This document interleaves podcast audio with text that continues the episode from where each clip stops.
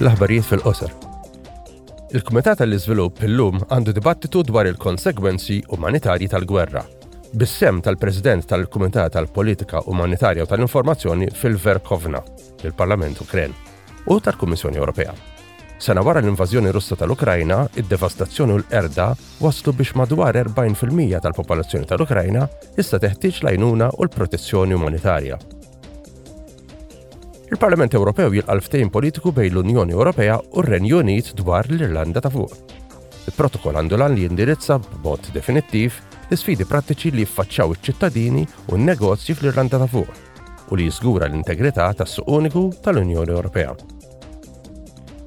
Il-Kumitat ta' Drittijiet tan-Nisa u l-Ugwaljanza bejn is-sessi illum qed jiltaqa' ma' membri ta' Parlamenti Nazzjonali mill-pajjiżi tal-Unjoni Ewropea. Qabel il-Jum Internazzjonali tan-Nisa fit-8 ta' Marzu, huma se jiddiskutu l-aspetti tal-ġeneru u tal-faqar enerġetiku. Dejta tal-Eurofound mill-2022 turi li aktar hemm ċans li l-ommijiet waħedhom u nisa oħra waħedhom isibuha diffiċli biex iħallsu l-kontijiet tad-dawl milli l-irġiel waħedhom.